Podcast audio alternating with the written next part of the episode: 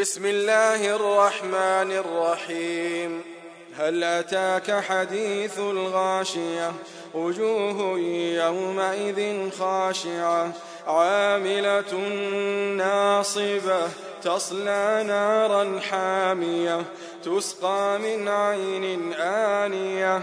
ليس لهم طعام إلا من ضريع.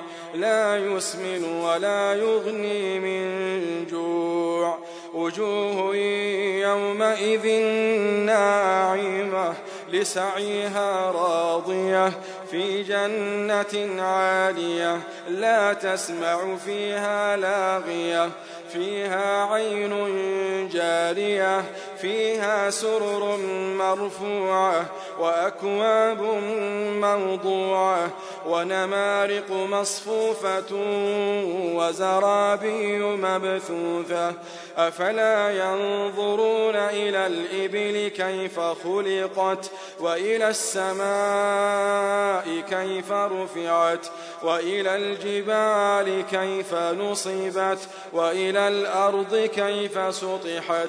فذكر إنما أنت مذكر لست عليهم بمسيطر إلا من تولى وكفر. فيعذبه الله العذاب الأكبر.